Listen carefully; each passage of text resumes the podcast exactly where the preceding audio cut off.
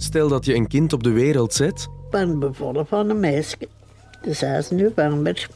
en je wordt onder druk gezet om het af te staan. Dat is iets dat je nooit zou mee vergeten.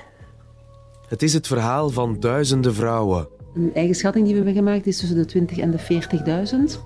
Er zit zelfs een heel systeem achter. Ze hebben mijn kind verkocht. Ik ben slachtoffer van mensenhandel, waar de staat ook niet op heeft ingegrepen. Sterker nog, waar de staat zelfs heeft gefaciliteerd. Het gebeurde in katholiek Vlaanderen niet eens zo gek lang geleden. En er wordt massaal over gezwegen. Ja, in de kerk is dat zwijgen. We weten van niets. Het was een ideale gelegenheid om dat kind gewoon af te pakken. En dan moest je maar zeggen, je kind is dood. Maar dat is toch psycho? Dat is toch... Dat is toch te hek voor woorden? Dit is zo'n groot onrecht, dit mag niet vergeten worden, dit verhaal.